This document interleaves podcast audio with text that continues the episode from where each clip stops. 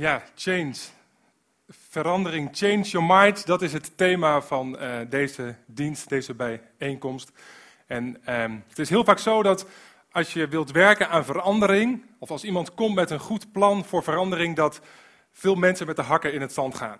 Want verandering, dat is niet altijd leuk. Tenminste, heel veel mensen die houden daar niet van. Ik had daar van de week ook een voorbeeldje bij in mijn, in mijn eigen plek waar ik werk. Ik werk als voorganger van de gemeente in eh, Den Haag.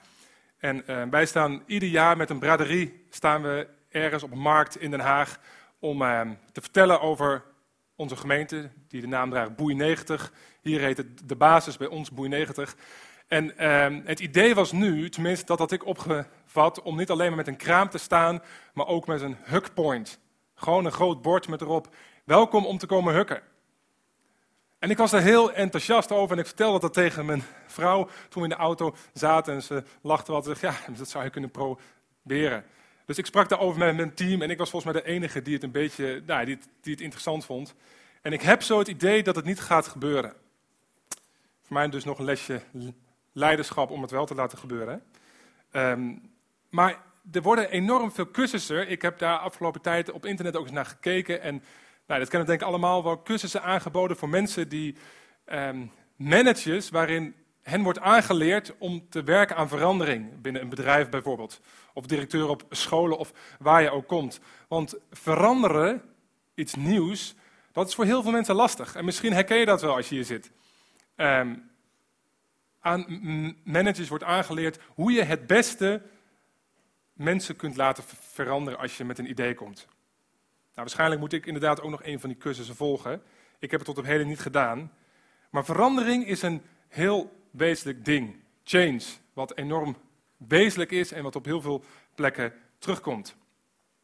En um, change, dat was ook het slogan van iemand die daar vier jaar geleden alweer mee gestart is, deze man. Het gaat me nu even niet om deze man, want ik had dit plaatje natuurlijk in de eerste dienst ook. Toen zei iemand, weet je wel wie Obama is? Het gaat me even om het beeld Vier jaar geleden, toen won deze man met één woord, en dat was eigenlijk change. Waar hij ook kwam, overal waar hij sprak en waar hij de dingen deed, zei hij één ding, change. En de mensen werden helemaal enthousiast van het woord change. Dat is waar het over gaat. En mensen veranderen vaak wel als mensen onvrede ervaren. En dat was wat hij natuurlijk heel goed deed. Acht jaar het beleid van Bush gehad. Mensen vonden dat verschrikkelijk met die aanval in Irak. Change, alles moet anders. Of het nou klopte of niet, maar daarmee kwamen mensen wel in beweging. En change, dat is een thema waarvan ik dacht, ja, dat is, sluit ook helemaal aan bij die, uh, termen, thema, bij het verhaal uit de Bijbel wat ik vanmorgen met jullie wil delen. En de reden dat ik Obama even hier neerzet, is omdat ik er van de week achter kwam, of vorige week alweer, dat er een dominee in New York is opgepakt en twee jaar de cel in moest, omdat hij in een toespraak geen bronvermelding had gebruikt. Nou ja, jullie weten het als het gaat om change. Het komt dus bij deze man vandaan. Als er één iemand, als er één iemand was in de Bijbel, en nou maken we de brug naar de Bijbel, naar het thema change, dan was het wel Paulus. Misschien heb je ooit eens van die man gehoord, misschien niet. Maar Paulus was een man die het heel vaak had over change. En vanmorgen change in your mind, verandering in je denken. En Paulus was een man die gebruikt werd door God. Je, kan, je zou zeggen, hij is voorganger gemeente stichten op allerlei plekken waar er nog geen kerk was. Daar ging hij naartoe, daar ging hij vertellen over God, over verandering. Daar ontstonden kleine groepen mensen. En die mensen bestonden uit mensen die eerst nog geen christen waren en de liefde van God gingen kennen. Er waren mensen die heel enthousiast waren over God in de gemeentes die Paulus had gesticht. Er waren ook mensen die het allemaal nog niet zo goed wisten, die misschien met hun buren waren meegekomen. Er waren mensen die ergens wel een ervaring hadden gehad met God, maar niet meer zo goed wisten eigenlijk hoe het ook alweer zat. Ik denk dat je kunt vergelijken dat de gemeentes waar Paulus, die Paulus heeft gesticht, die gemeentes waren erg vergelijkbaar met de basis in Apeldoorn. En er ontstond ook zo'n gemeente in Rome. Paulus die ging een brief schrijven, want hij was vaak op reis. Een brief schrijven voor een nieuwe kerk die net ontstaan was in Rome. à la de basis, met allerlei verschillende soorten mensen, met verschillende achtergronden. En voor die mensen had hij een boodschap. En die boodschap die was, change. En ik weet wel, het is niet helemaal vergelijkbaar. Want Rome is natuurlijk niet zo mooi als Apeldoorn. Maar toch, Toch denk ik dat we er wel iets mee kunnen. Want deze man Paulus is niet zomaar een kerel. Paulus is iemand die enorm wist uit ervaring, niet zomaar een theorietje of een of andere religie, maar Paulus wist enorm wat het betekende om te changen, om te veranderen. Als er één wist in het Nieuwe Testament, dat is het gedeelte na de komst van Jezus, het tweede gedeelte in de Bijbel. Als er één iemand wist in het tweede gedeelte van de Bijbel wat we lezen, het Nieuwe Testament, dan was het Paulus al. Want ik vind het belangrijk om voor de context even jullie te vertellen hoe het ook weer zat. Misschien weet je het wel, misschien niet, maar als je het niet weet, Paulus was een man die christenen haatte. Hij had een gruwelijke hekel aan die mensen. Paulus zei, christenen zijn gevaarlijk. En in de tijd dat hij dat zei, werden christenen ook zo gezien staatsgevaarlijk. Voor Paulus moest je uitkijken als je maar besloot iets te gaan doen met Jezus. Of met het geloof, of er open voor ging staan. Want wat deed, wat, deed Paulus? Paulus die ging naar de gemeentes toe, op allerlei plekken. En wat hij deed is, als er wat christenen bij elkaar waren, mensen die iets kregen met God, dan vermoordde hij ze. En hij deed alles aan om eh, christenen uit te roeien. Lekker ventje die Paulus. Blijf nog even zitten, want het verhaal verandert al. Uiteindelijk, op een gegeven moment, was hij weer bezig met een van zijn acties om ergens een of mensen uit hun huizen te slepen en voor het gerecht te brengen. Omdat hij vond dat mensen niet iets met Jezus mochten, want dat was maar eng. En toen hij onderweg was weer naar een van zijn acties, het is een beetje moeilijk uit te leggen, maar de Bijbel beschrijft wel hoe dat gaat, dat, dat hij een, een hele diepe ervaring kreeg van God. Hij was bezig, hij dacht dat hij heel goed bezig was, maar op een gegeven moment hoort hij opeens een stem, een onbekende stem, een stem van iemand waar hij het bestaan niet van wist. En die zei, hey Paulus, wat doe jij? Waarom vervolg jij mij? En op de een of andere manier hoort Paulus die stem, raakt hij verblind, gaat naar huis, komt thuis. En als hij thuis komt, lezen we in de Bijbel dat hij een paar dagen blind is. En dan gebruikt God iemand anders, een voorganger, dominee, evangelist, pastoor, hoe je hem ook noemt. Die gaat naar Paulus toe en die vertelt, de stem die jij hebt gehoord, die diepe ervaring van wat je nu meemaakt, dat is de stem van Jezus. En die man zegt tegen Paulus, change, verander. Verander in je denken. Doe niet meer de dingen zoals je ze deed vroeger.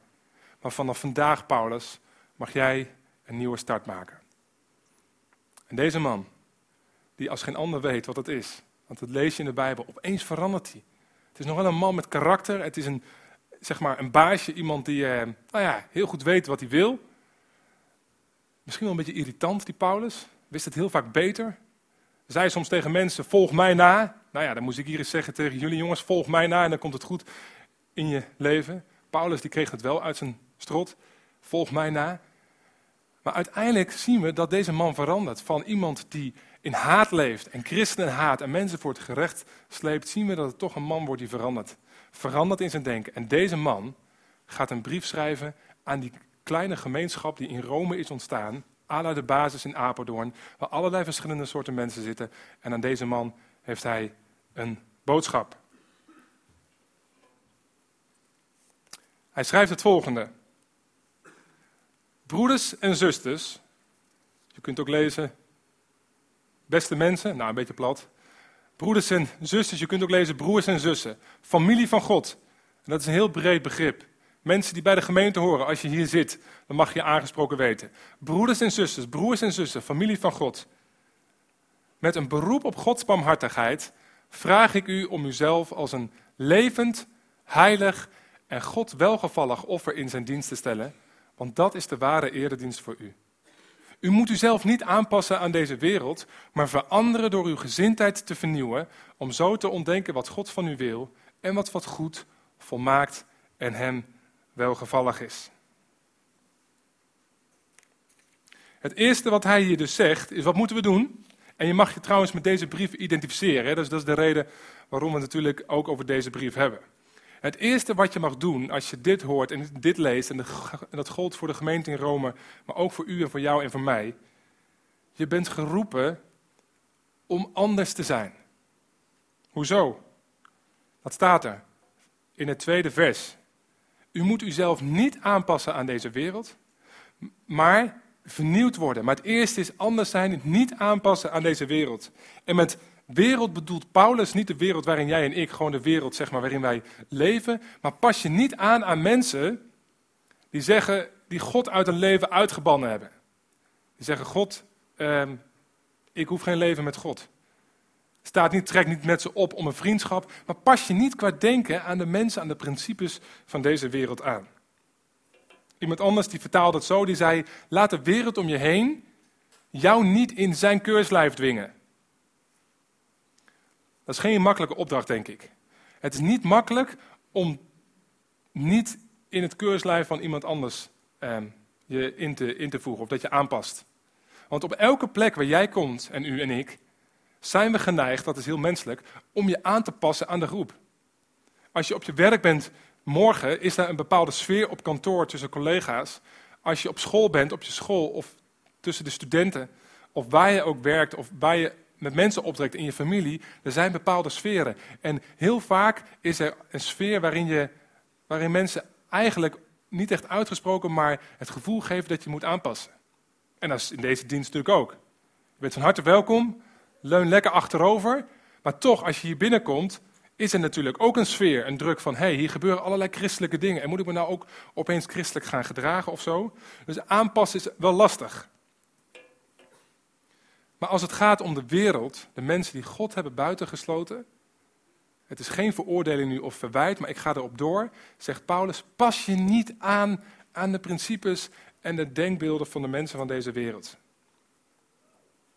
Ergens anders staat, word niet gelijkvormig aan deze wereld, maar word hervormd, vernieuwd in je denken, zo kun je het ook lezen, door de vernieuwing van je denken, opdat, en dat is natuurlijk het argument, opdat je mag erkennen wat de wil van God is, het goede, welgevallen en volkomen. Dus dat betekent eigenlijk, het staat niet op zichzelf om, nou ja, niet aan te passen aan deze wereld. Maar als jij hier zit en je denkt, ik ben hier wel, maar ik moet het allemaal nog maar eens een beetje zien in mijn leven. Of misschien ben je verward of, of heb je heel veel vragen. De eerste boodschap is, pas je niet aan aan deze wereld. Als je iets van de liefde van God hebt ervaren in je leven. Waarom niet? Als je dat niet doet, dan zegt God dat Hij aan jou gaat laten zien wat Zijn wil is, Zijn denken in jouw denken voor jouw leven. En ik wil jullie een paar voorbeelden geven. Hoe jouw en mijn en uw denken eruit ziet. Hoe het denken van de wereld eruit ziet. Kijk om je heen. Het is denk ik een constatering, misschien herken je erin. Het gaat vaak om drie dingen als het gaat om jouw denken. Als je zelf eens een dag of een week analyseert, wat kom je dan tegen?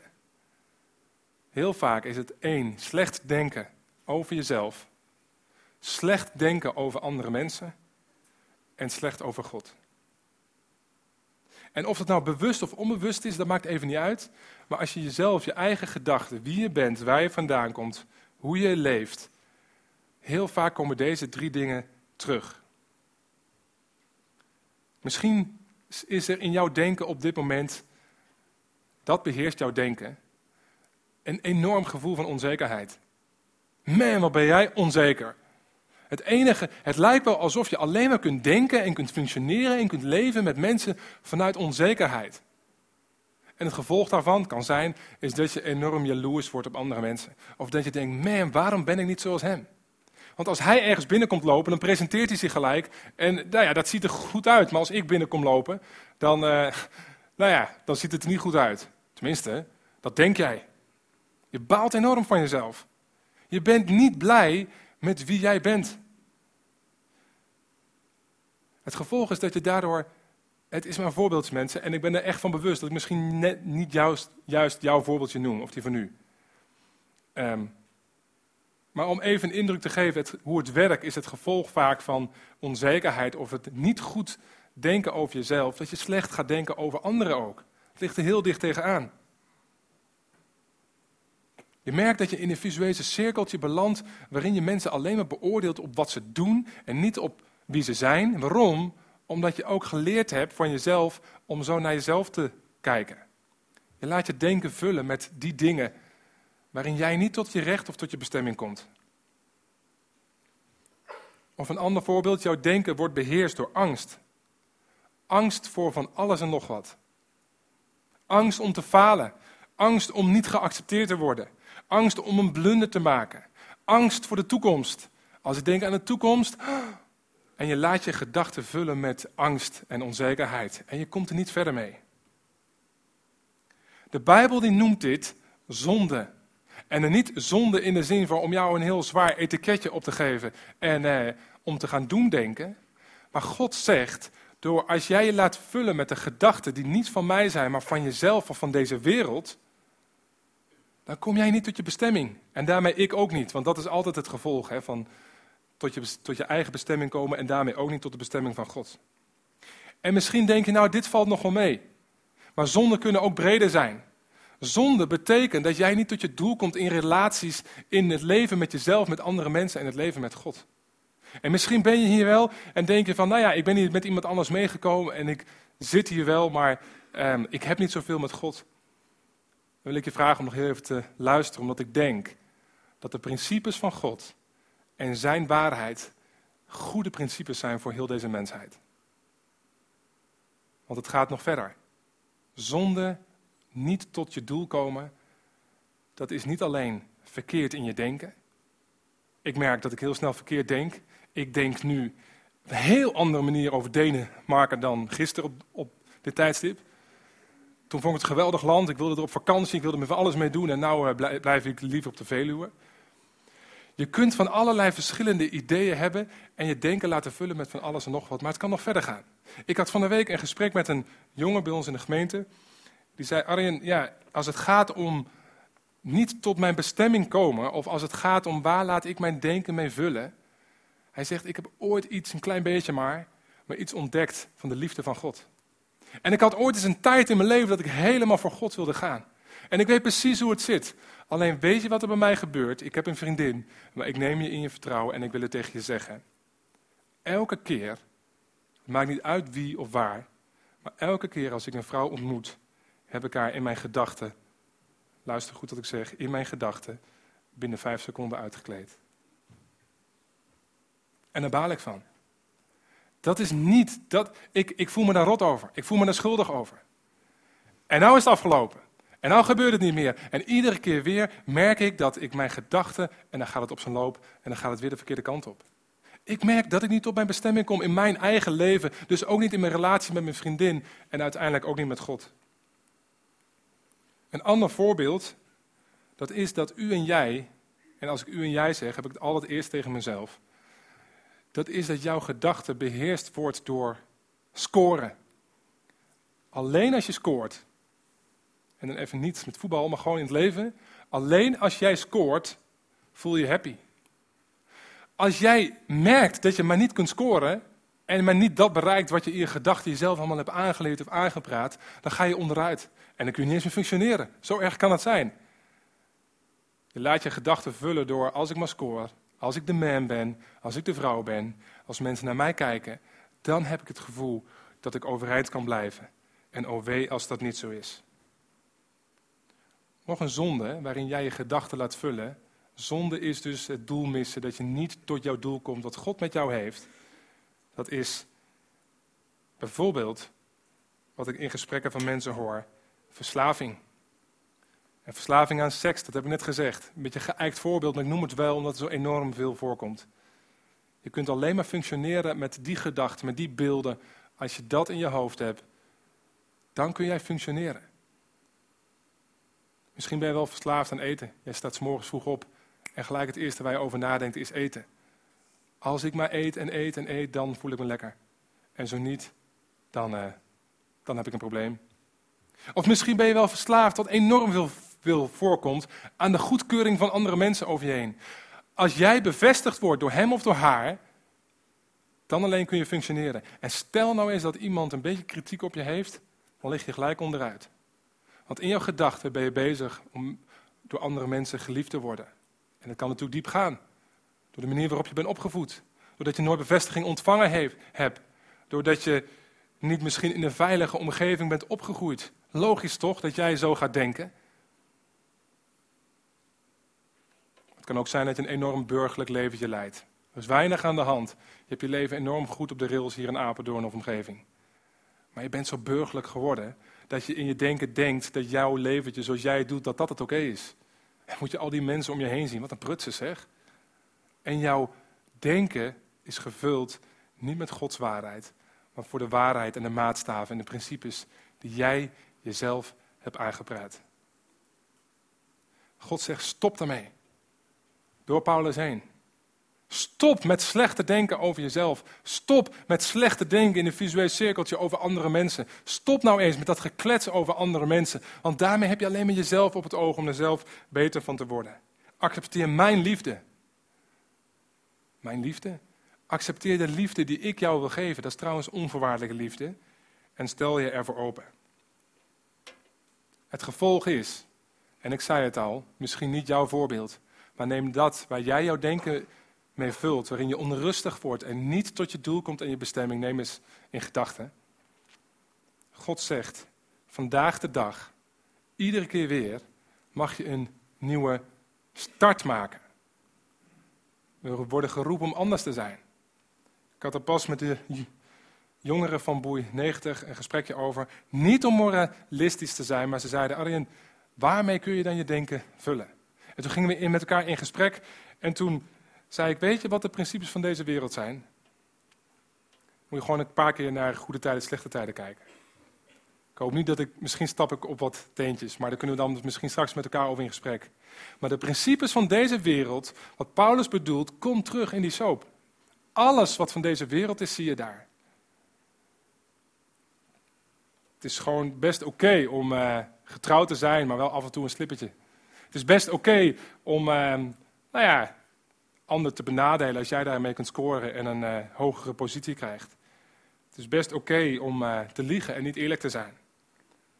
Als jij je open hebt gesteld, ooit eens en misschien vanmorgen wel, voor de liefde van God, dan mag je zijn liefde ervaren en dan ga je denken volgens andere principes. En vanmorgen mag je daar een start mee maken. En misschien zeg je, ja, dat wil ik. Je komt wel eens van die mensen tegen hè, die zo vol zijn van de liefde van God dat je denkt, man, dat is echt een heilige. Um, maar als ik daarover nadenk, dan denk ik altijd van, weet je wat het betekent? En dat kost nogal wel wat om dan je eigen gedachten los te laten, om volgens Gods waarheid te gaan leven en jouw gedachten te laten vullen door hen. Ik kwam het verhaal tegen van Nicky Gumbel, misschien wel eens van de naam gehoord, een voorganger uit Londen. En hij vertelde eens dit verhaal. Hij zei, kort nadat ik als voorganger bevestigd werd, werd mij gevraagd door mijn baas om een begrafenis te doen van een vrouw. En die vrouw die was in Londen best bekend. Het was een dakloze vrouw. Ze liep altijd met zo'n eh, Albert Heijn karretje. Ik weet niet of ze die in Londen hebben, maar zo'n karretje. Liep ze, liep ze altijd door de stad met tassen en allerlei andere dingen. Het was een enorm vervelende vrouw. Ze was altijd agressief, altijd irritant. En als mensen dichtbij haar kwamen, het was gewoon geen prettige vrouw. Op een of andere manier, eh, nou ja, zei hij, vroeg mijn baas toen ze stierf of ik de begrafenis wilde doen. Um, Maar deze vrouw, die was niet alleen dakloos, die was, ook een heel, die was eigenlijk ook enorm rijk. Ehm, een paar jaar eerder, voordat ze stierf, had ze een gigantische erfenis gekregen van miljoenen ponden. Het is de Engelse context, hè. En ze bezat zelfs een flat in Pond Street, een heel, um, nou ja, een, uh, een duur straatje, zeg maar. En ze, en ze bezat ook hele bekende, waardevolle schilderijen. En Nicky Gumbel vertelde, mijn baas die Ehm, vertelde me dus van, nou ja, als er een testament is, dan zijn er ook opeens familieleden. Ploep, ploep, ploep, die komen uit de lucht vallen of zo. Maar dat was bij deze vrouw dus ook. En het bleek inderdaad het geval te zijn. Er waren twee nichten van deze vrouw, helemaal uit Australië. Ja, die wilden wel heel graag op de begrafenis komen. Ze hadden jaren geen contact meer. Sterker nog, uiteindelijk belden ze, we komen niet naar de begrafenis, want ja, we moeten alweer iets eerder terugvliegen, maar we komen wel even. Nicky zei, ik was verbaasd. Hoe kon iemand die zo enorm veel geld had, zo'n leventje leiden? Dat ga je toch helemaal anders aanpakken, dat ga je toch helemaal anders doen. Hoe kun je dan leven met zoveel geld en zo enorm veel rommel en alleen maar met zo'n Albert Heijn karretje door Londen heen lopen? Iemand zei die erbij stond: Weet je wat het probleem was? Ik denk dat het probleem was dat ze haar oude bekende wereldje niet wilde opgeven. En dat ze gewoon vast wilde houden aan dat oude, vertrouwde, bekende wereldje. En ze wilde geen verandering. Dat is absurd, toch? Als je daarover nadenkt. Echt gebeurt. Maar heel veel mensen, die doen nog veel, iets veel absurders. Ze houden vast aan de rommel uit hun leven. En missen ondertussen niet alleen maar een flentje in Pond Street, maar alle schatten die God ons wil geven. En in dezelfde brief die die Paulus schreef aan die gemeente in Rome, de basis, vergelijkbaar misschien, daar schrijft Paulus, laat je niet denken, laat je denken niet vullen door je gedachten of de principes van deze wereld, maar ik wil daar iets tegenover zetten. Dit is, zegt God, waarmee ik jouw gedachten in jouw hart en jouw leven mee wil vullen. Liefde tegenover haat. Blijdschap tegenover verdriet. Geduld tegenover ongeduld. Trouw, vrijgevigheid, gastvrijheid, zegen, vreugde, harmonie, nederigheid, vrede. En misschien zit jij hier wel en denk je, als ik over mijn leven nadenk, dan schrik ik wel een beetje, want ik merk op dit moment dat ik mijn gedachten laat vullen met hele andere dingen. Ik laat mijn gedachten tot op heden niet vullen met blijdschap. Je moest eens weten, Arjen, daar weet jij niks van. We kennen elkaar natuurlijk helemaal niet. Ben maar gewoon maar ingevlogen omdat Martin Brandt uh, in het ziekenhuis lag. Maar misschien zeg je wel van, hé, hey, ehm, ik, ik ben depressief. En uh, ik vind het verschrikkelijk, maar tegelijkertijd koester ik het ook een beetje. Ik laat mijn gedachten vullen met de gedachten, met de principes, met dat wat in de wereld leeft. Maar God zegt, ik wil jou andere schatten geven. Maar om die te kunnen ontvangen, moeten we alle troep in ons leven opruimen. Met het verleden breken en een nieuwe start maken. En met troep bedoel ik niet van die hele heftige dingen alleen, dat kan. Maar ook met die manier van denken, die volgens het denken van deze wereld is. En niet volgens het denken van God. En hoe? Hoe doen we dat? Paulus zegt hier, broeders en zusters, met een beroep op Gods barmhartigheid, vraag ik u zelf om u als een levend, heilig en God welgevallig offer in zijn dienst te stellen. Misschien een beetje oudbollige, moeilijke woorden voor je, maar ik probeer het uit te leggen. Het gaat hier om een wilsbesluit. Om ons helemaal. Om heel ons leven toe te wijden aan deze God die zegt: Ik wil jouw gedachten vullen met mijn schatten. Eigenlijk staat hier de gedachten en mijn oude denken bij God op het altaar leggen. Op het altaar, daar. En jullie weten het misschien wel, op een altaar in het Oude Testament, daar werden de dingen verbrand. Als je ze op het altaar legde, dan waren ze weg. Ze waren weg.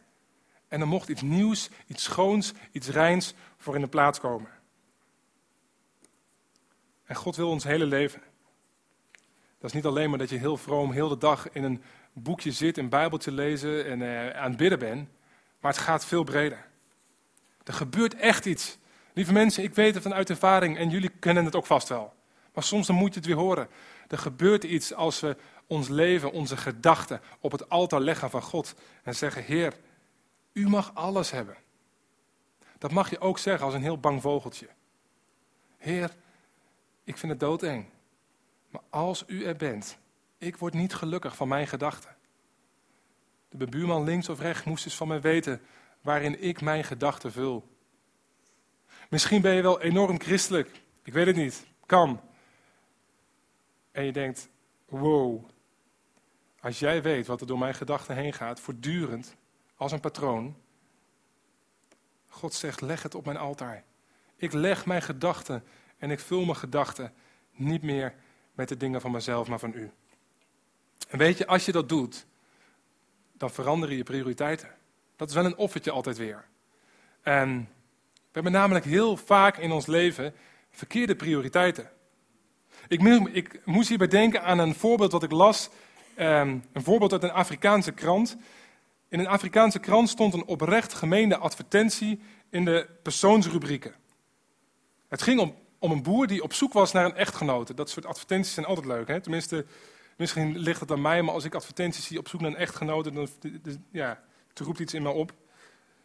Ik heb mijn vrouw trouwens niet zo leren kennen, maar ik vind het altijd wel leuke advertenties, want je leest van alles. En er stond in de Zuid-Afrikaanse krant een serieuze advertentie van iemand op de volgende manier. Hij kwam uit Nanyuki. En zijn advertentie luidde als volgt: Boer uit Nanyuki zoekt dame met tractor. Met het oog op vriendschap en misschien een huwelijk. Graag reageren met foto van tractor. Dit had ik echt niet moeten flikken, zo'n zo'n advertentie. Ja, het lijkt bijna een rauw advertentie. Dit had ik niet moeten flikken om zo'n advertentie natuurlijk ergens neer te zetten. Um, maar ik denk dat je inderdaad gewoon heel snel je prioriteiten verkeerd kunt leggen. Ik denk dat één van de dingen die in ons leven gebeuren, als we alles aan de Heer geven, is dat mensen veel belangrijker worden dan bezittingen of zaken. Zelfs al denk je dat die het belangrijkste zijn.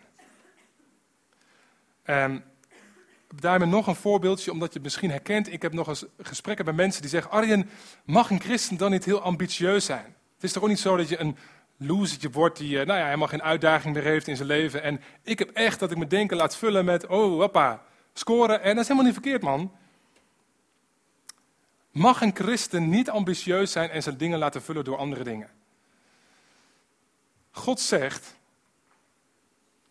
zoek eerst het koninkrijk van God. Dat betekent, ga op zoek, laat je gedachten vullen met de dingen van Hem.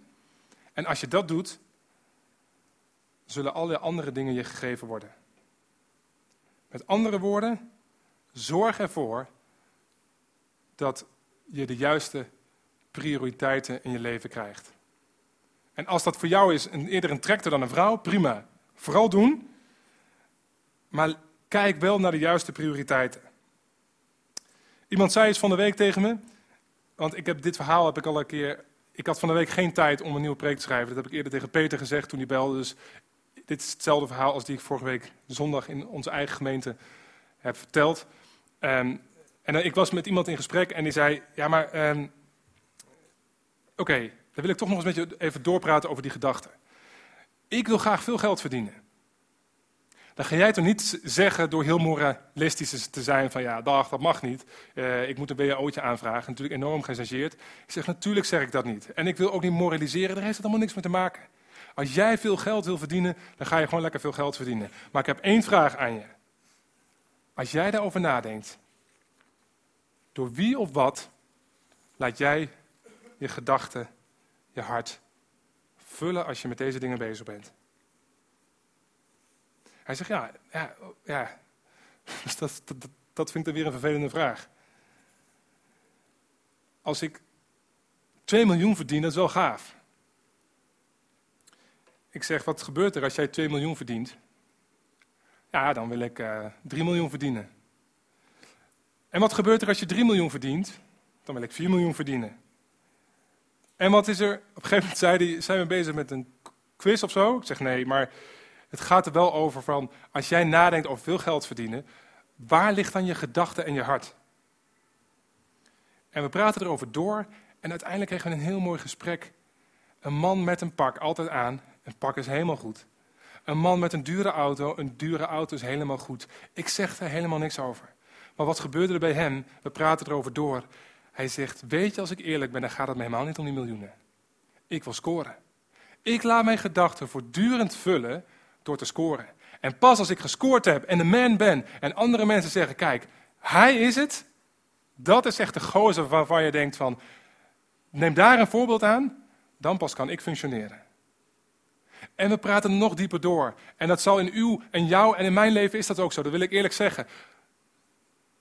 De maskertjes gingen af en steeds meer deurtjes open. En uiteindelijk zei hij, ik ben iemand die in mijn leven geen bevestiging gekregen heeft die keihard moest knokken om mezelf te bewijzen. En als ik eerlijk ben, heb ik me een patroon aangeleerd van 50 jaar, waarin ik voortdurend bezig ben om, het, om mijn denken te laten vullen met scoren. En ik word daar doodongelukkig van.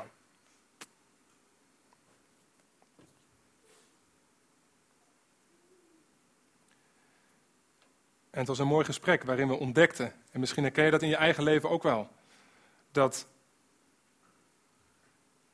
als je soms diep over je eigen gedachten nadenkt en analyseert, dat je soms zomaar merkt dat je gekomen bent in gebondenheid en leeft volgens de principes van slavernij. Je kunt alleen maar functioneren als andere mensen, ik zei het net, positief over je spreken. Je hebt zoveel bevestiging nodig en dat hebben we allemaal. Maar als dat het is wat jouw gedachten vult en als het even niet gebeurt en je ligt om, dan laat jij je niet vullen door de gedachten die God voor jouw leven heeft klaarliggen. Gedachten van vrede, gedachten van waarheid. Dat als je in jouw familie komt en je merkt weer dat moeilijke, dat die pijn diep van binnen, dat je niet ook zo blijft nadenken. Maar dat je zegt, Heere God, ik wil wel een leven met u. Ik wil stoppen met het leven volgens de gedachten van mezelf of de principes van deze wereld. En ik, wil, ik sta er open voor om het te laten vullen met uw gedachten. Wilt u in mijn gedachten komen dat ik zo zal functioneren en zo zal leven? Voor dat wat u voor mij in petto heeft. Als we voor onszelf leven, heel vaak, of het nou groot is of wat kleiner, dan kom je in slavernij en gebondenheid. Daarom zegt Paulus: Stel uzelf als een levend offer. Een offer brengen, dat betekent dat er kosten aan zitten. En iemand, William Berkeley, heeft eens geschreven: Jezus is niet gekomen om ons leven makkelijk te maken, maar om van mensen iets groots te maken. En ik denk dat dat voor u en voor jou en voor mijn leven ook geldt. Als jij een makkelijk leven wilt, volgens de principes van deze wereld, of luxe of wat ook, word dan geen christen. Want christen zijn is lang niet altijd helemaal makkelijk. Als jij echter een leven wil, met voldoening, waarin je tot je doel komt, tot je bestemming, waar God jou mee heeft gemaakt, een leven op zijn best. Als je dat wil, ga dan Jezus volgen. Want waarom zou je christen zijn en iets met Jezus doen? Ten eerste omdat het hetgeen God in petto heeft voor ons leven is om zo te ontdekken wat God van je wil en wat goed, volmaakt en hem welgevallig is. Ik heb wel eens babytjes in mijn armen, mijn eigen kinderen, maar ook andere babytjes. En dan moet ik er altijd aan denken, ah, oh, je zou nog maar baby zijn. Ik heb zomaar het idee als ik naar een baby kijk dat die zijn gedachten, haar of zij, natuurlijk helemaal niet bewust, maar dat is even mijn gevoel, laat vullen met vrede, liefde, lekker liggen. En eh, baby's hebben zich nog geen patroon aangeleerd van negativiteit, van gedachten vullen, van de principes van deze wereld waar je zo snel mee besmet wordt. Maar wij mensen bouwen patronen op die soms zo moeilijk te doorbreken zijn. Moeder, dochter, dochter, dochter, dochter. En als je kijkt naar waar zij zich in hun gedachten en vervolgens ook in wat er uitkomt laten vullen, dan zie je soms door de geslachten heen alleen maar dezelfde patronen. Misschien zie je het ook wel bij jezelf, bij je moeder, bij je oma, bij je overgrootoma. God zegt, niet heel goedkoop hoor, want het gaat echt door processen heen en door worstelingen heen. Maar laat je niet vullen met het denken van deze wereld. Maar stop ermee. Waarom? Niet zomaar, nou leuk, maar om te ontdekken wat God van je wil en wat goed, volmaakt en hem welgevallig is. Lieve mensen, daar gaat het erom om te ontdekken wat God van je wil. En ik weet, ik ken elkaar niet. Maar als er één ding is waarvan ik denk wat bijna demonisch is, dan is het een verkeerde kijk op God. Iemand zei pas tegen mij, ik dacht echt dat als ik God in mijn leven zou toelaten, ik dacht echt dat God een spelbreker zou zijn. God was het soort persoon die als je hem je leven gaf, je leven enorm zou verpesten. Want God gaat al je leuke dingen uit je leven wegnemen. Maar wat een absurd idee.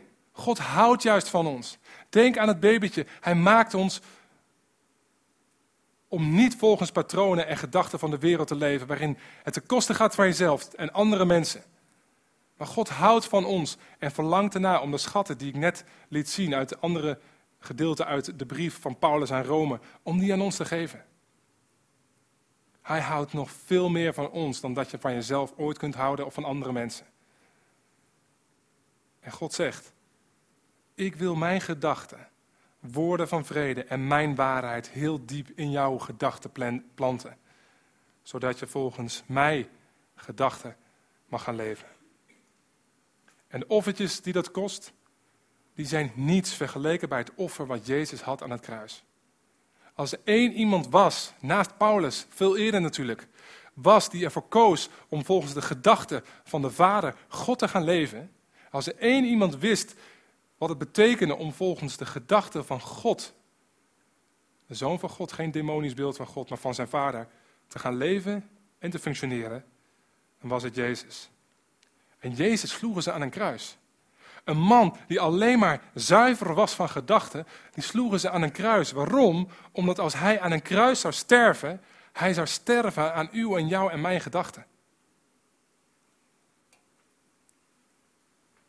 Als het gaat om het breken vanuit het verleden, wat je meetorst voor ballast, hoe je denkt, waarmee jij je leven en je hart vult, dan mag je vandaag, misschien wel voor de allereerste keer uit je leven, een nieuwe start maken. Of voor de zoveelste keer. Maar hoe dan? Misschien zit je hier wel en denk je van ja, dat klinkt wel leuk, maar die gedachte is van mij. Dat patroon wat ik me heb aangeleerd. Als ik morgen op mijn werk binnenkom, tussen mijn collega's, hop, ik verval zo weer in dat patroon. Het, gaat, het is niet zo van even een knop omdraaien en het is allemaal oké. Als het gaat om breken, breken met ons verleden, breken met onze gedachten, dan kan dat alleen maar als het van de andere kant vandaan komt. Van Gods kant. De Bijbel zegt dat in ons, in jou, in mij, en ik herken dat wel. In theorie vind ik het altijd een beetje lastig als mensen dat zeggen, maar in de praktijk merk ik het wel, dat in jou niet zo heel veel goed zit. Maar God zegt, en dat vind ik zo bijzonder, dat Hij een deel, of een deel, dat Hij is de geest van God. Dus de gedachte van Hemzelf, zegt hij, hier, ik geef hem aan jou. God zegt, mijn geest wil ik in jou geven. Ik zal zuiver water over jullie uitgieten. Om jullie te reinigen van alles wat onrein is in je denken van al jullie afgoden. Ik zal jullie een nieuw hart en een nieuwe geest geven. Ik zal je versteende hart uit je lichaam halen en je er een levend hart voor in de plaats geven. En dan zegt God tegen jou: Ik zal je mijn geest geven en zorgen dat je volgens mijn wetten leven en mijn regels in acht neemt. En het zijn zulke goede principes. Ik geloof dat de mensheid daar beter van wordt. Niet vanuit een idealisme, maar daar kom jij tot je doel en daarmee de God die jou gemaakt en geschapen heeft. En God zegt, ik doe het. Dus niet hier vandaan lopen en zeggen, oké, een of andere positieve zelfcursus. En now change. Change your mind. Positief denken. Maar denk ik veel meer even zwijgen. Je handen open doen. En zeggen, Heilige Geest, als dat waar is, wat die gozer daar op het podium vertelt. Ik kom hier zomaar binnen, een paar keer door iemand meegenomen misschien.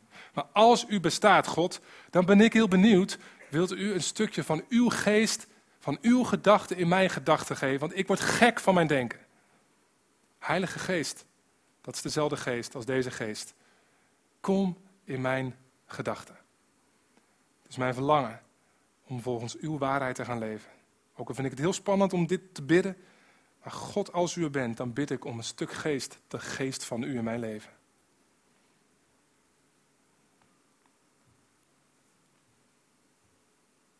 En uiteindelijk ontvang je dan de geest van Jezus.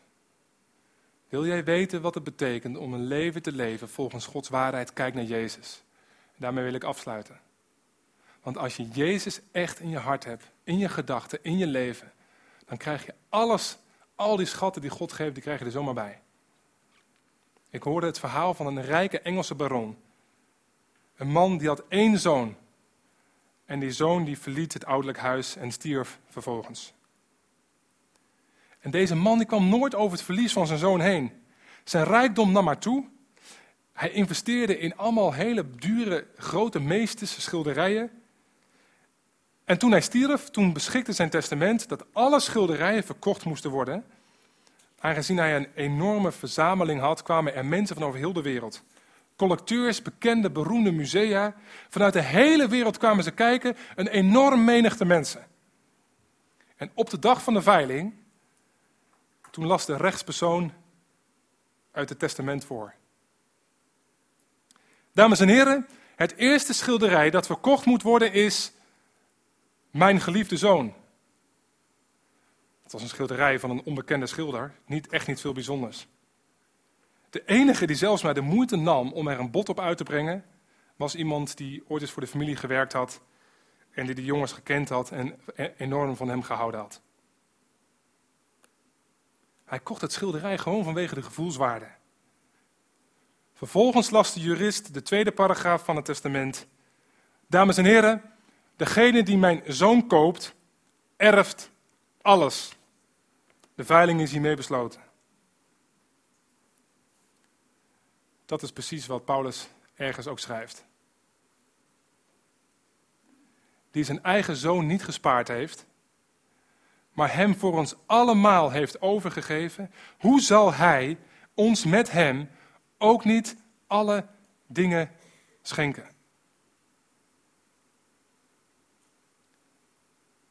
Er was een man die eh, enorm geworsteld heeft om te leven volgens de waarheid van God.